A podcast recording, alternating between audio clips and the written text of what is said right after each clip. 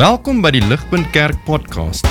As Ligpunt Gemeente is dit ons begeerte om God te verheerlik deur disippels te wees wat disippels maak en 'n kerk te wees wat kerke plant. Geniet hierdie week se preek.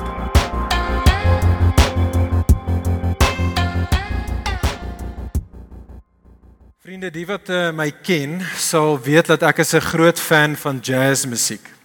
So, soveel so dat toe ek 19 was, was ek vir Ek was vir 4 half so was ek in Houston gewees toe ek 19 was en ek het die punt daarvan gemaak om 'n vliegkaartjie te koop en vir 'n week in New Orleans te gaan spandeer. Gaan om letterlik van jazz club tot jazz club te gaan en om shrimp baguettes te eet. Dis wat hulle in New Orleans, dis die awesomeste ding, 'n shrimp baguette op so 'n lang Franse Franse brood. En as jy daarso is in New Orleans, die area waar al die clubs en die art galleries is noem hulle the French Quarter en die bekendste jazz club daar is die naam van the Preservation Hall. Dis die oudste klub in 'n uh, jazz club in in New Orleans. En so jy stap in hierdie gebou in en ons geen meubels nie. Jy letterlik sit op so ou houtvloer en dan daar in die hoek voor jou is daar 'n jazz band. Jy weet net soos in die movies, hulle het sulke swart broeke aan, wit hemp met 'n swart das en 'n swart hoed en hulle speel daar spesifiek Dixieland jazz, wat die oorspronklike genre van van van jazz is. En ek onthou nog daai eerste aand wat ek daar gesit het en ek dink ek was terug na daai spesifieke plek weer. My elke aand daarso is amper soos hulle groot lied wat hulle gespeel het, was die ou bekende lied When the Saints Go Marching In. Weet nie of jy daai lied ken nie, dis die dis die klassiek liedjie ta ta ta ta ta is kry maar laat ek nie nou te veel aangaan met dit nie. Die punt is hulle speel daai lied en daai is 'n bekende lied, nie net in die wêreld van jazz nie, maar in Amerikaana. Dit is 'n wat hulle noem 'n black spiritual song. So dit is oorspronklik uh en ek neem aan jy is bewus daarvan, maar daai ou bekende lied is oorspronklik is dit 'n Christen gesang. En so die woorde gaan en sê when the saints go marching in, I want to be that number. En so in in, in Afrikaans wat daai lied sê is wanneer die heiliges, want dit is wat saints beteken, wanneer die heiliges eendag die nuwe Jerusalem gaan betree, wil ek onder hulle getel word. En dit is wat daai lied sing. Wat dit belangrik dan en noodsaaklik maak vir ons vriende en vir enige iemand wat daai begeerte het om in die nuwe Jerusalem een van daardie heiliges te wees wat die koninkryk van God gesê dan belangrik om te sê maar Okay, maar wie is die heiliges dan? En vriende, hier is dit belangrik vir jou en vir my om duidelik te wees wat die Bybel sê aangaande wie die heiliges is. Want die Bybel gebruik die die die die beskrywing van 'n groep mense as heilige maniere wat verwant is aan mekaar. Die eerste ding is sê die Bybel is dat die heiliges is daardie mense wat hulle geloof in Jesus geplaas het. Daardie mense wat spesifiek vertrou in dit wat Jesus se kruisdood bewerkstellig se bloed reinig, het hulle reeds geheilig. Jesus se bloed het hulle afgesonder sodat hulle nou 'n mense is wat reeds aan hom behoort en dat hulle mense sal wees wat dan vir hom lewe. En dit is dan die tweede manier, daai laaste sin vir hom sal lewe, wat dan die tweede manier is wat die Nuwe Testament te, Testament dan hierdie idee gebruik van wie die heiliges is. Die heiliges is daardie mense wat reeds danksy Jesus hulle status, dit is reeds waar van hulle. Dit is iets wat God gedoen het, hulle geheilig. Maar die heiliges is dan 'n mense wat aan die hand van daardie realiteit in hierdie lewe, soos hulle lewe in die groot en die klein dinge van elke dag, dan hulle heiligheid verges. Wat dit wat God hulle reeds gemaak het, naamlik heilig, dan uitlewe in die alledaagse dinge van hulle van hulle lewens. En vriende, dit is juis hier dan waar daar soveel onduidelik en ek dink ook selfs oneenheid is onder ons as die moderne Christene. Sodra jy begin praat oor heiligheid, dan is ons baie keer 'n bietjie de mekaar. Ons ons weet baie is 'n belangrike konsep en idee, maar Christene verskil baie keer oor, okay, maar wat presies is dit? Hoe lyk dit? Hoe kom dit tot stand? Hoekom is dit so belangrik? En dit is wat ons vandag oor saam wil gesels in hierdie gedeelte vriende in Titus hoofstuk 2. Soos Dewald reeds vroeër genoem het, is ons besig met hierdie reeks getiteld Die gemeenskap van die heiliges. Nou ons fokus in hierdie reeks op die idee van gemeenskap. Dat kerk is in sy essens gemeenskap. En ons het hierdie term gevat uit die apostoliese geloofsbelijdenis wat sê ek glo in die gemeenskap van die heiliges. Nou wat ons vandag op wil fokus is juis dit vriende. Ons wil vandag fokus op die Bybelse waarheid dat die gemeenskap van die heiliges inderdaad 'n heilige gemeenskap. Net ons het nodig om vir mekaar te sê die gemeenskap van die heiliges is inderdaad 'n heilige gemeenskap. En dit is wat ons op wil fokus vandag. Dit vriende is die fokus van die boek van Titus. Amazing kort boek en ek wil jou regtig aanspoor om in jou eie persoonlike stilte tyd deur die boek van Titus te werk. Die boek Titus gaan juis hier uh, oor. Paulus Paulus skryf hierdie brief aan Titus. Titus op daardie stadium soos die die herder van hierdie klein gemeente op hierdie klein Griekse eiland wat hulle Krete noem. Krete en in daardie tyd toe Paulus hierdie brief geskryf het, was Krete 'n onsaglike goddelose plek gewees. Vlug saam met my op die skerm. En sien raak op uh, saam op die skerm wat Paulus reg aan die begin in Titus hoofstuk 1, as jy jou Bybel byderhand het, sal jy daar kan sien, maar in Titus hoofstuk 1 vers 12 tot 13 sê. Uh, Paulus sê vir Titus, one of the Cretans a prophet of their own. So hierdie is nou nie 'n Christen nie. Hy's een van die local profete in Crete. Uh one of the Cretans, a prophet of their own said, Crete are always liars, evil beasts and lazy gluttons. En Paulus sê this testimony is true. Okay, so dit is treffende ding dan hy gaan dan nog verder. En wat Paulus Krete daar buite is God in die kerk is goddeloos. Dis nie net dat die kerk is in Krete nie, maar Krete is ook in die in die kerk sê hy. Hy gaan aan, hy sê therefore rebuke them sharply. Okay, maar wie's die them that they may be sound in faith. So hy praat hier met die kerk en die manier wat Krete ingesyfer het en ingefilter het in die gemeente. En vriende, ek wil hê ons moenie daai woorde sound in faith daar mis nie. Want ek dink dit is belangrik in die boek van Titus. Wat Paulus daar sê, dit is eintlik presies as jy jou Bybel byderhand het, ek gaan nie net so toe gaan nie. Dit is die heel eerste versie in die hele boek. Sê presies dieselfde ding in Titus 1 vers 1.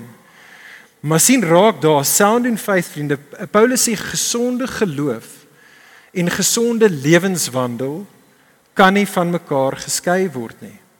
En dit is dan wat Paulus spesifiek na toe kom waar hy met die gemeente dan gaan praat in die gedeelte wat ons vanoggend na kyk in Tik 2 vers 1 tot 15 wat ons van vanoggend gaan sien.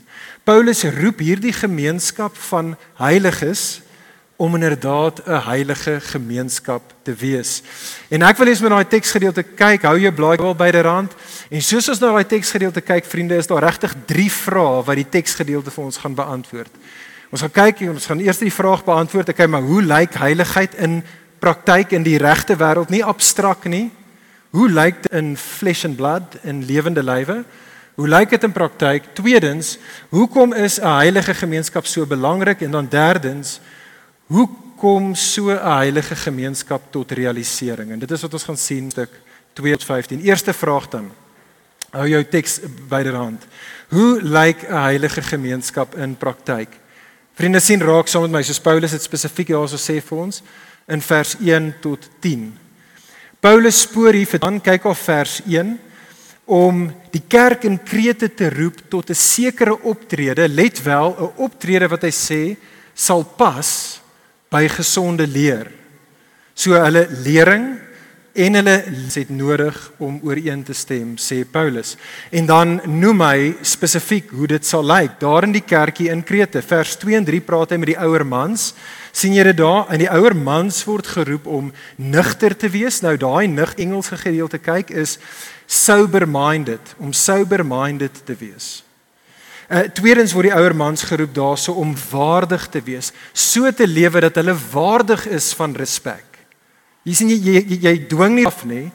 Jy in 'n mate jy is waardig van respek. Die ouer mans word geroep om verstaan Dit die Engels is hier nader aan die uh, uh, aan die oorspronklike. Dit is die idee daarvan om met selfbeheersing te lewe. Dit idee daar agter verstandig. Om met selfbeheersing te lewe, om gesond in geloof te wees, om gesond in liefde te wees en om gesond in standvastigheid te wees. Paulus gaan aan, hy praat dan tweedens met die ouer vrouens, kyk saam met daar in vers 3 en ouer vrouens in die gemeente dat uh, hy roep hulle tot optrede wat die heiliges betaam Dat hulle nie moet kwaadpraters wees nie. Met ander woorde, hulle moenie skinder en stories aandra nie. Maar en dit blyk asof dit in Krete 'n probleem was, dat hulle moet ook nie verslaaf wees sê hy aan wyn nie, maar eerder die jonger vrouens moet onderrig in wat goed is. Dan gaan hy aan na die na die jonger vrouens toe, vers 4 tot 5. En Paulus roep die jonger vrouens, daar sien jy dit, om liefdevol teenoor hulle mans en teenoor hulle kinders te wees. Ook daar sê hy vir die jonger vrouens om verstandig te wees, i.e. om met selfbeheersing te lewe. Hy roep die jonger kuis te wees, met ander woorde om nie doelbewus te flirt en eintlik half verleidelik te wees nie.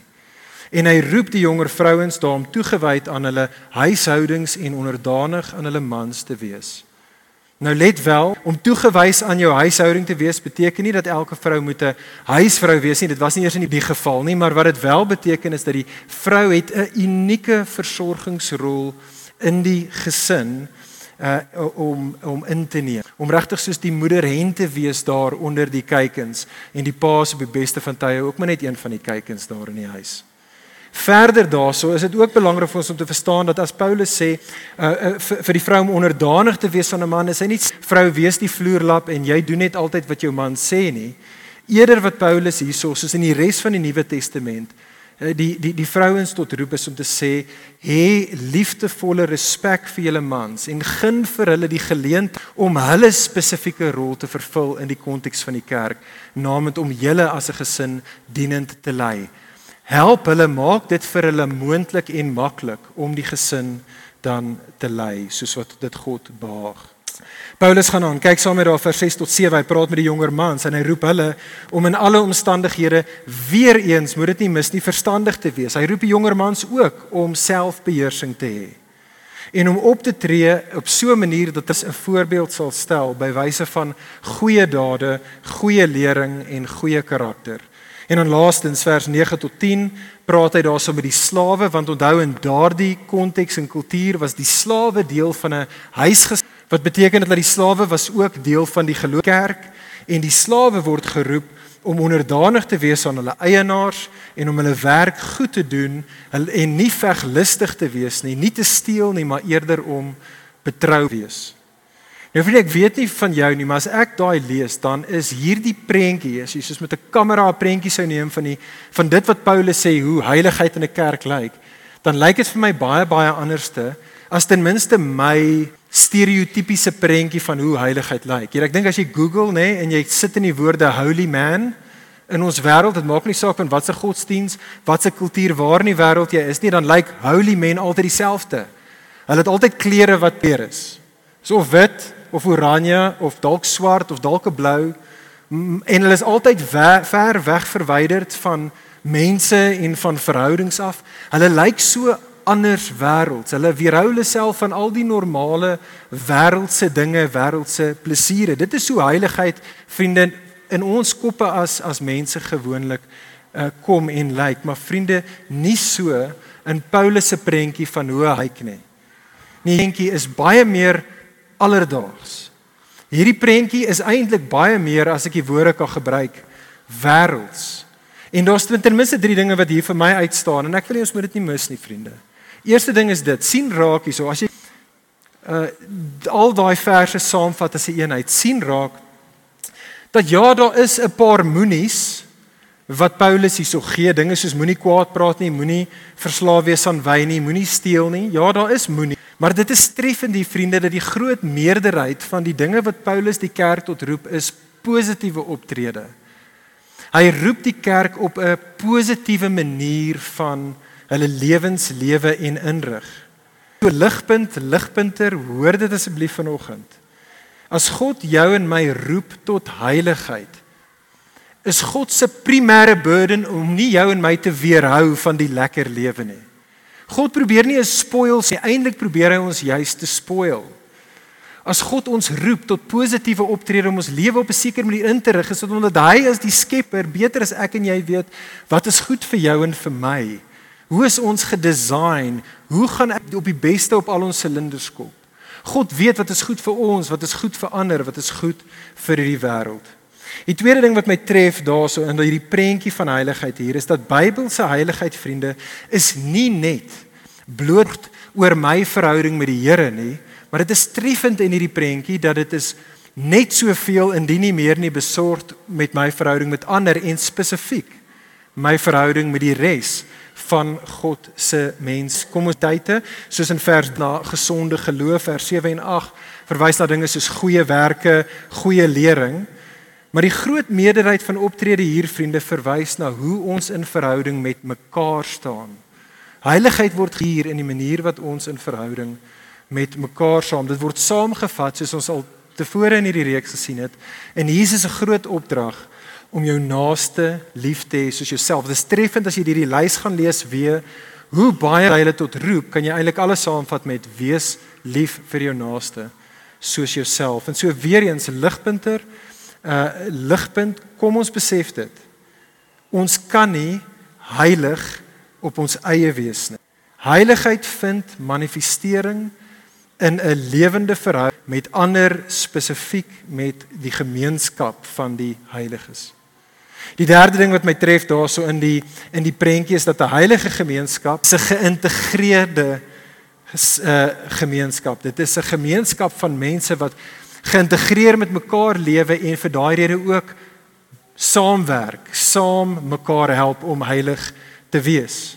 Tref dit nie vriende? Ek dink baie kere in ons weer eens ons stereotypiese idee van kerk Baie kere dan dink ons, okay, ons weet heiligheid is belangrik, maar die wonderlike ding is, ons weet as mans, die vrouens sal daai gedeelte van die Christen lewe vir ons uitsort. Vrouens gaan die groep in die kerk wees wat gaan ernstig wees oor hulle verhouding met die Here en wat die Here gaan najag en gaan streef om soos Jesus te wees. So great, hulle gaan dit ons gaan dit outsource na die vrouens toe. Of ek dink wat ons baie kere doen, is ons sê wel nee, dit is dis nie gou in die kerk se verantwoordelikheid. Jy weet dit is die ouer generasie, die sages. Jy weet hulle is die ouens wat gaan jy weet heilige lewenslewe haal vir die res van ons. Maar dit is treffend hier dat Paulus praat in hierdie gedeelte met beide mans en met vrouens en met verskillende rasies en selfs met verskillende klasse. Almal, almal word geroep in hierdie gedeelte tot heiligheid. Selfs die die 40 somethings en die 20 somethings en ek sou sê ook selfs in embryo fase, die tieners, die kinders en almal. Almal word geroep om die heilige God wat hulle heilig gemaak het te vergestaal. En so ligpunt, ligpunter kan ek jou aanspoor weer eens tot dit. Ligpunt kan ek ons aanspoor. Kan ons so geïntegreerde eh, manier saamwerk as 'n gemeente vir ons eie en mekaar se se heiligheid. Ouer mans. En by the way, as ek praat in my kop van ouer mans, as jy ouer as 40 is, dan is jy ouer man. Dit is jammer om dit vir jou te sê. Okay? Jy is as jy oor 40 is. Enigiets onder 40 gaan ons sit in die kategorie van jonger man. Ouer mans sien raak nie net jou God gegeewe mandaat nie, maar die ongelooflike selfde ouer vrouens wat hierso sit om jou lewe jonger as jy is te kan help in hulle uitleef van hulle heiligheid. Jy het 'n geleentheid en moet dit nie mis nie. Moet dit nie die moenie die rede hoekom God jou in 'n kerk plaas mis nie. Jy het 'n geleentheid om die die jonger jonger vrouens met hulle tyd te spandeer om hulle te nooi na jou tafel toe waar jy met hulle gesels oor huwelik en alles wat jy geleer het oor die huwelik en hoe lyk dit om in in 'n volgens van die huwelik vir iemand wat al vir 30, 40 jaar in die huwelik staan. 'n Geleentheid mans, ouer mans en vrouens om met die jongeres te gesels oor ouerskap en finansies en hoe om jou werk tot die glorie van God te doen, hoe om versoeking te weerstaan, hoe om familiekrisisse te hanteer. Daar's soveel maniere wat die mans en vrouens in ons midde so behoeftig is. Ouer mans en vrouens, gebruik jou Godgegewe geleentheid en mandaat om ander te help om meer soos Jesus te lyk. En dieselfde geld ook vir die jonger mans en vrouens. Ek dink daar's maniere wat ons die ouer mans en vrouens ook kan bless en ook hulle kan help en hulle kan ondersteun. Maar as jy vir al as jy jonger is, moenie jou Godgegewe geleentheid mis, uh, jonger man of jonger vrou nie. Jy het beter as die res van oor 40 is. 'n Geleentheid om in die studente in Ligpunt en in die tieners van Ligpunt en selfs in die kinders se lewens te kan inspreek in kategorieë wat hulle verstaan, waar jy hulle kan inspireer en motiveer en hulle kan ment sodat hulle sal groot word in mense wat meer en meer soos Jesus kan lyk. Vriende, elkeen van ons het 'n het 'n rol om te vervul in die heilige gemeenskap. Hier is die tweede vraag wat die teks vir ons beantwoord. Die tweede vraag is vriende, hoekom? Hoekom is 'n heilige gemeenskap belangrik? Nou moet dit nie mis nie. Kyk weer saam met my daar in vers 1 van ons teksgedeelte. Dit het weer eens te doen met die verwantskap tussen die Christen se lering en die Christus se lewe vers 1. Wat Paulus in hierdie gedeelte sê is hoe gelowiges hulle lewens inrig spesifiek in die konteks van die plaaslike kerk spesifiek in verhouding met mekaar hoe gelowiges inrig het 'n impak op ander mense se geloof in die waarheid. En dit is die punt wat Paulus hier maak. Het jy dit opgetel? 3 keer in ons gedeeltes sê Paulus dit pertinent. Ek wil hê julle moet dit sien. Die eerste plek waar Paulus punt maak dat ons optrede 'n impak het op ander se geloof in die waarheid, sien ons daar in die middel van vers 5. Paulus sê: "Wees 'n heilige gemeenskap," middel vers 5, sodat die woord van nie belaster sal word nie. Dan sê hy dieselfde ding weer in vers 8, middel van vers 8. Lewe heiliger, beskaamd mag staan en niks slegs het om oor ons te sê nie. Dit weer in die middel van vers 10 lewe heilige lewe alles die leer van God ons verlosser aantreklik kan wees. En daai in vers 10, kyk gou saam met my na daai taal van dat die leer van God aantreklik kan. Kyk gou vinnig omdat jy oë gaan na die Engels toe. Die Engels op die blaadjie, ek dink julle die Engels daarso. Uh vertaal dit, ek dink weer eens 'n klein bietjie beter as so that in everything they may adorn the doctrine of God. Die adorn is vol van prentjietaal. Jy sien adorn is wat jy doen met met met 'n pragtige diamant halsnoer. 'n Diamant halsnoer is 'n ding wat wat wat wat 'n vrou om haar nek hang wat adorn. Nou hier's die treffende ding van as 'n as so 'n halsnoer inderdaad sy doel dien, is dis pragtig in en van itself, maar dit eintlik vat jou verby die halsnoer. Jy vergeet eintlik die halsnoer en jy sien dan die skoonheid en die pragt van die vrou wat die halsnoer dra, sien jy duideliker. En vriende, dit is Paulus se punt. Paulus se punt hier is dat 'n geloofsgemeenskap se heilige lewenswandel is soos 'n diamant halsnoer ek van die evangelie. Soos wat 'n gemeente heilige lewenswandel en heilige lewenswandel lewe, kyk mense in 'n mate verby dit en sien ons opnuut die waarheid van God, die leer van God, die elie duideliker en mooier. En ag vriende, wie van ons skiet nie in hierdie verband kort nie? Wie van ons hier kan sê dat ons skiet nie in hierdie verband kort nie? Onthou dit asseblief. Kyk as ons saam met my na vers 10. Paulus praat hier met mense wat reeds kan sê God is ons verlosser. So hoor my asseblief tog. Die manier wat jy die uitlaan heiligheid in jou lewe regkry of nie regkry nie, het niks uit te waai met jou verlossing nie. Jou verlossing in die Here om te kan sê God is my verlosser het te doen met vertroue in Jesus. So jou heiligheid is nie die ding wat bepaal of jou verlosser is of nie jou verlosser is nie. Maar vriende, as die gees van God in jou daadwerklik woon en in my daadwerklik woon, dan behoort dit ons te pyn en te grief. Lewenswandel so gereeld in steede daarvan om 'n diamant halsnoer te wees om die nek van die evangelie is, is ons lewenswandel so baie kere meer soos geroep wat ons om die nek van die evangelie hang. Ons te pyn en te grief. Nou as ek net hier bring, na ons as 'n ligpunt huis toe.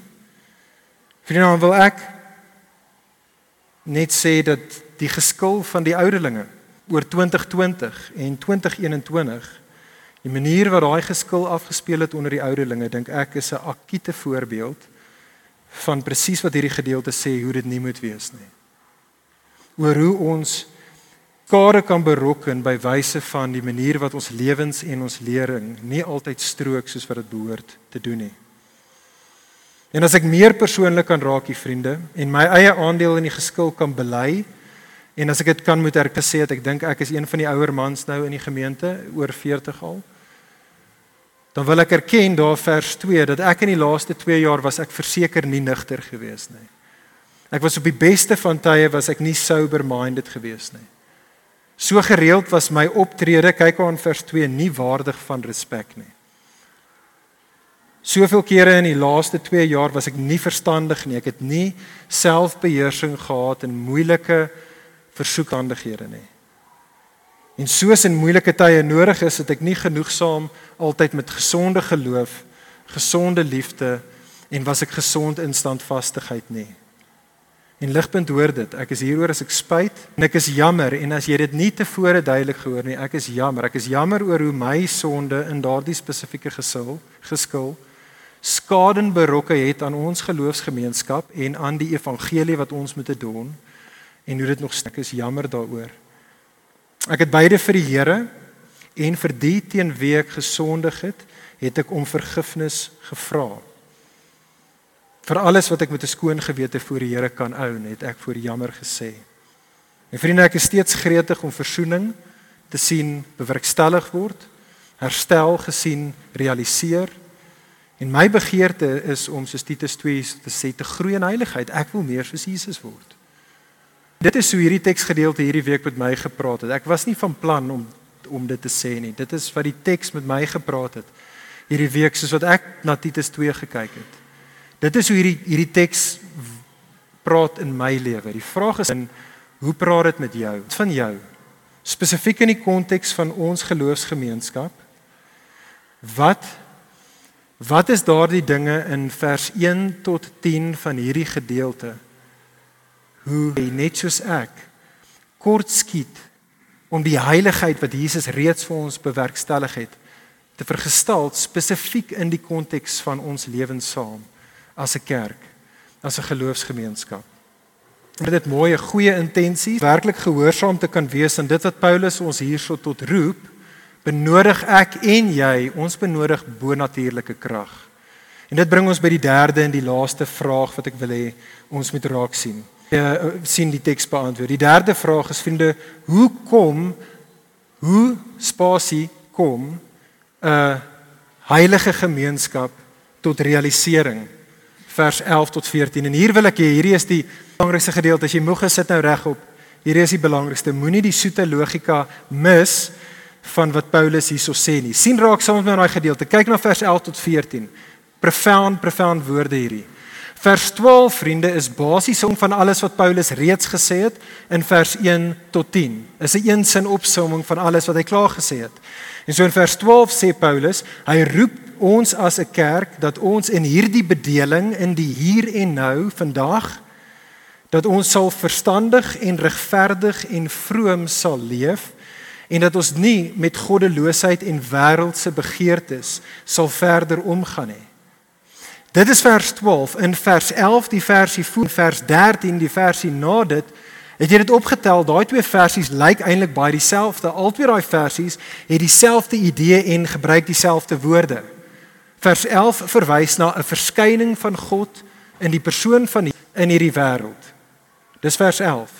Vers 13 verwys na 'n verskyning van God in die persoon van Jesus in hierdie wêreld. Vers 11 verwys na daai verskyning van God in Jesus se eerste koms plaasgevind het. Vers 13 verwys na die verskyning van God in Jesus wat nog sal plaasvind by Jesus se tweede koms. En hierdie is sy punt. Dink saam met my aan 'n hamburger. 'n Hamburger vriende bestaan uit 'n patty en hy twee bun. Weet party mense wat band dink hulle is besig om 'n hamburger te eet as hulle net 'n patty eet. Jy doen nie. Ek is sorry, jy's besig om 'n patty te eet. Dis nie 'n hamburger nie. Kort buns en buns kort 'n patty dan het jy 'n hamburger en dit is wat het. Wat Paulus in die gedeelte sê, hy sê Christen, jy word geroep om 'n heilige lewe te lewe. Maar jy kan dit nie doen nie. Vir jou om dit te doen, vers 11 het jy nodig om Jesus te onthou. Dit wat Jesus in sy eerste koms gedoen het, het jy nodig om vorentoe te kyk en te onthou wat Jesus in sy tweede koms gaan doen. En so ligpunt, ligpunter hoor dit. Vriende, ons het nodig om terug te kyk Ons het eerstens nodig om terug te kyk in Jesus se eerste koms te onthou van vers 11 daar. Ons het nodig om die verlossende genade van God wat reeds aan ons verskyn het, het ons nodig om te onthou. Hy dubbelklik op dit in vers 14 daar. Kyk saam in vers 14. Daai verlossing en toe Jesus na 'n kruis toe gegaan het, toe op daai kruis gaan sterf het in ons plek ten einde uh, ons los te koop van alle wetteloosheid en vir hom 'n eie volk te reinig wat nou ywer is om goed te doen. Dit werk. Vriende, hierdie is wat ek wil hê jy nie moet mis nie. Hoor asseblief tog mooi. Hierdie is hoe Jesus se eerste koms en sy sy dood op die kruis jou en my kan verander om 'n heilige mense te wees. Dit is eerstens soos wat ek en jou dat God en Jesus ons juis losgekoop het van wetteloosheid sodat ons aan hom sal behoort, dat ons nou sy volk is. Vriende, as ek en jy kan onthou dat Jesus het sy lewe neergeste koop om aan hom te behoort. As ons dit onthou en dit glo, dan maak dit 'n bonatuurlike krag in jou hart wakker wat dan die wat jou dan motiveer om nie meer wetteloos te wil lewe nie. Nou wil wees wat God se wil in jou lewe sien realiseer. Vriende, dit is soos wat ek en jy tweedens onthou dat God en Jesus aan die kruis ons reeds gereinig het van ons sonde skuld. Dat Jesus vriend vriendin nou as jy reeds silwer skoon gewas. As ek en jy dit glo, as ek en jy dit onthou, dan sal dit 'n bonatuurlike motivering in jou hart warm maak waar jy nie meer wil in die modderbad van sonde inbaljaar nie. Vriende, dit is soos wat ek en jy onthou dat God en Jesus ons nie gegee het wat ons verdien het nie.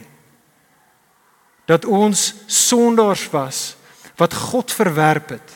Keer op keer was hy en het God ons in Jesus vergewe en hou God aan om jou en my daagliks oor en oor vir ons sonde skuld te vergewe. Dit is soos wat ek en jy dit onthou dat ons bonatuurlik motiveer om geduldig dan te wees met ander wat ons te nakom. En waar ons ander vergewe soos wat ons soos wat hulle ons moet vergewe 70 maal 7 keer dit terugkyk en Jesus se eerste koms onthou, die genade van God wat aan ons verskyn het. Maar Paulus gaan aan, hy praat dan in vers 13 en hy roep ons en hy sê sien voor dit, kyk vorentoe na Jesus se tweede koms en sien die glorie van God wat verskyn in Jesus tweede koms. Kyk na die taal van vers 13. Paulus sê dit is soos wat ons uitsien na die salige hoop en glansryke verskyning van ons groot God en vir Jesus Christus. En vriende, hoor mooi weer eens, hierdie is hoe dit werk. Hierdie is as ek en jy mense sou wees wat vorentoe kyk na Jesus se wederkoms, hierdie is hoe daai verskyning jou en my sal help om nou anders te kan lewe. Dit is soos wat ek en jy onthou dat God in Jesus sal terugkeer, vriende. En wanneer die koning terugkom, gaan Jesus reg en geregtigheid laat geskied wanneer ek en jy dit onthou en dit daadwerklik glo wat ons nie nie meer mense sal wees wat in hier en nou self probeer om reg en geregtigheid laat geskied nie. Ons sal nie die kwaad met die kwaad vergeld nie, maar ons sal toelaat dat die kwaad uh, deur die goeie kom word. Dit is soos wat ek en jy onthou dat God en Jesus op daardie dag wanneer Jesus gaan terugkom 'n nuwe hemel en 'n nuwe aarde gaan inbring. En wanneer Jesus daai nuwe hemel en aarde gaan inbring, gaan ek en jy vir alle ewigheid volle in oorvloed geseën wees. As ek en jy dit kan onthou vriende en as ek en jy dit daadwerklik glo, sal ek en jy nie meer 'n mense wees wat in die hier en nou op en destruktiewe paadjies gaan omdat ons probeer om nou hemel op aarde vir onsself bymekaar te maak. Want ons weet ons hemel op aarde kom. Dit kom want Jesus gaan terugkeer. En dit is laastens soos wat ek en jy onthou dat ons eendag voor Jesus sal staan en wanneer ek en jy voor Jesus gaan staan, gaan wat sy kinders is, daai woorde hoor wanneer Jesus gaan sê welgedaan, goeie en getroue diens onthou en as ek en jy dit glo, dan sal daardie wete ons bonatuurlik motiveer uit teen sonde te bly voer en vol te hou om geregtigheid bly te najag want ons smag om daai woorde eendag uit Jesus se lippe uit te hoor. En so vriende, soos wat ek afsluit, soos ek Ek wil ons aandag rig op die woord wat ek reeds al na verwys het wat eintlik die belangrikste woord in ons hele gedeelte was. Dit is die woordjie verstandig. Wat ek reeds gesê het, dit is 'n ironie dat die belangrikste woord in die teksgedeelte is verkeerd vertaal, ongelukkig hier. En daai woordjie verstandig wat ons vind in vers 2 en in vers 5 en in vers 6 en in vers 12 is soos die Engelse daar het is die woordjie self-control, selfbeheersing. Die belangrikste woord in die gedeelte. Vriende, hoor asseblief tog mooi, hierdie is belangrik soos ons afsluit. Selfbeheersing is die vermoë om te midde van verwarring en te midde van versoeking en te midde van vyandig in jou binneste gewortel en geanker te bly. Dit is wat selfbeheersing is. Selfbeheersing is die bonatuurlike vermoë om nie toe te laat dat die ongeregtigheid van die verlede of die onkerheid van die toekoms jou lewe in die hede beheer nie. Dit is wat selfbeheersing is. Selfbeheersing, vriende, is die innerlike kompas wat maak dat jou en my lewe toenemend om ons minder chaos lyk en meer soos shalom lyk, meer soos orde lyk. En hoor asseblief tog mooi. Vriende, ware goddelike selfbeheersing kom op daai plek. Ironies genoeg wanneer ek en jy besef dat die self is nie in beheer nie. God is in beheer. Dit is die plek waar selfbeheersing kom. Dit is in daai plek waar ek en jy kom waar ons besef dat ons nie onsself kan red nie. Ek kan nie myself my verlede nie, kan nie myself red van my toekoms nie. Maar prys die Here, dis die gospel. Hy het in Jesus my gered. Reeds my gered en hy sal my red. Dit is in daai plek, vriende, dit is in daai plek waar ek rustig kan weet die Here is in beheer, waar ek selfbeheersing kan hê. Waar my identiteit gevind word in sy storie. In God se storie en nie in my eie nie. Vriende, dit is dan hoe die gemeenskap van die heiliges, heilige gemeenskap. Ja, ons het nodig om 'n evangelie gesentreerde kerk te wees, maar meer is dit. Ons het nodig om 'n evangelie gedefinieerde kerk te wees. Met ander woorde, ons moet 'n mense wees wat onthou ons hele lewe, verlede en toekoms was opgesluk en opgeneem in dit wat Jesus gedoen het en gaan doen doen. En dit maak dat ek in die Here 'n heilige lewe kan lewe soos wat God my reeds in Jesus gered het. Kom ons bid saam.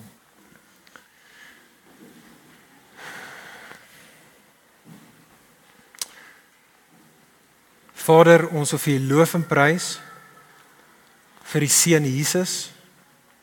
Here dat een beheer want U is die een wat in Jesus ons gered het en ons gaan red. Ag Here, ons koppe glo dit.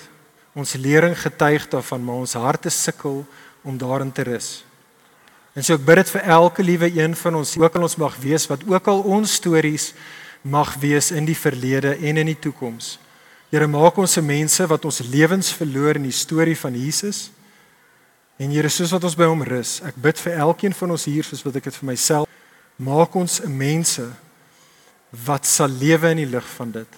Maak ons 'n mense wat die heiligheid wat U reeds ons heilige mense ingemaak het. Help ons om dit uit te lewe in die gemoed en in die vrae wat ons het van elke dag. Here, doen dit deur die Gees. Doen dit deur U Heilige Gees bid ons in Jesus se naam. Vir meer inligting oor Ligpunt Kerk, besoek gerus ons webwerf op www.ligpunt.com of kontak ons gerus by info@ligpunt.com